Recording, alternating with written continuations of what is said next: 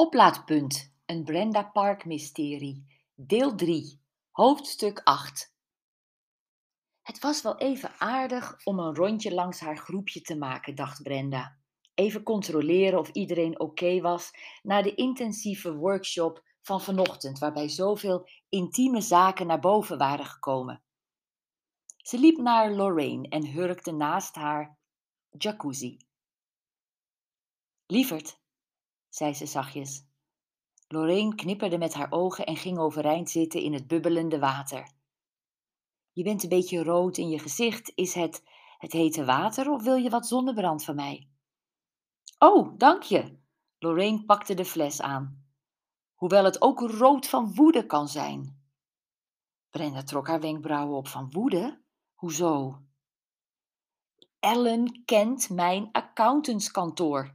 Dat kwam tijdens de lunch uit. Haar bedrijf is een klant van ons. Zij kent mijn partners.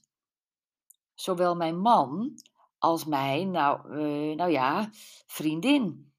Ik ben nu zo boos op mezelf dat ik de eerste avond verteld heb wat er in mijn leven speelt. Het is veel te gevaarlijk als dit uitkomt. Oh jee, ik begrijp het. Begon Ellen over je werk?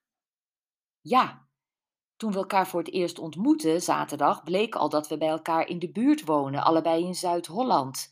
Maar dat we zo vlak op elkaars lip zaten? Oh, Brenda zuchtte. Ze lette altijd goed op of verhalen niet te dicht bij elkaar lagen, maar dit had ze niet kunnen voorkomen. Maak je maar geen zorgen, Lorraine. Gelukkig is Ellen echt geen kletskous.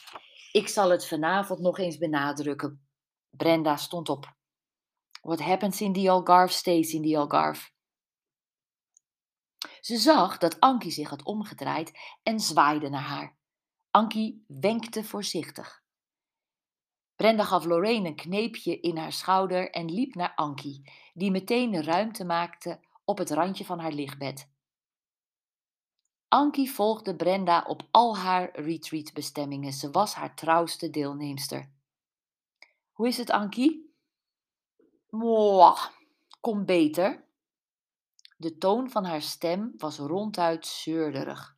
In gedachten jouwde Brenda het zinnetje na dat haar moeder altijd gebruikte om types als Ankie te beschrijven. In mijn kroket zit geen vlees. Oh jee, Ankie, is er iets met je? Nou, Ankie keek richting de hangmat waarin Ellen en Mireille nog steeds lagen te praten. Ellen doet de hele tijd zo onaardig.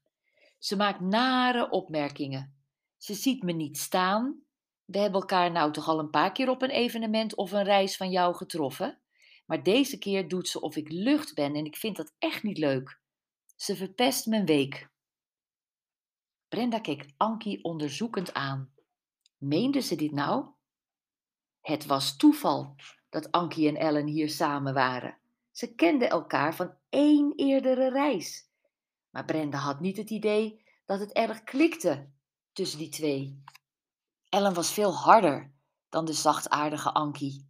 Je kon enorm met Ellen lachen, maar als je niet in haar straatje paste, dan zag ze je inderdaad niet staan. Trek het je niet aan, hoor, troostte Brenda. Het is niet persoonlijk, dat weet je, hè? Ellen heeft deze keer een match met Mireille. Komen zij niet uit elkaars omgeving? Helemaal niet. Ankie klonk nu echt boos. Ellen woont in Den Haag en Mireille volgens mij bij Arnhem. Ze is gewoon heel anders dan de vorige keer. Ze is niet echt. Brenda schrok van Ankie's harde blik. Ach, Ankie, zei ze, zullen we vanavond even apart gaan zitten na het eten, jij en ik? Ik heb je helemaal nog niet goed gesproken.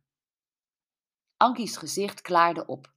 Ze was, ondanks haar leeftijd, soms net een klein meisje, dacht Brenda. Een klein meisje dat aandacht nodig had, maar het van niemand kreeg.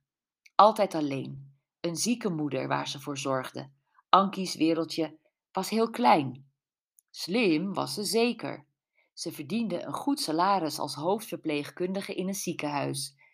Eén keer per jaar ze, trakteerde zij zichzelf op een wellness retreat. Geniet nog maar even lekker van de zon. Kun je iets met de workshop van vanochtend? Ankie schudde haar hoofd. Het ging vooral over mannen, hè? Iedereen wil maar een vent. Nou, daar heb ik niets mee. Brenda antwoordde niet. Ze gaf Ankie een aai over haar hoofd en veegde haar haren uit haar gezicht. Toen ze om zich heen keek, schrok Brenda van wat ze zag. In de verte zag ze Pauline voor Jonathan uit richting de massagesalon lopen. Jonathan had zijn hand laag in haar rug en zonder blikken of blozen liet hij hem nog lager glijden, richting haar billen.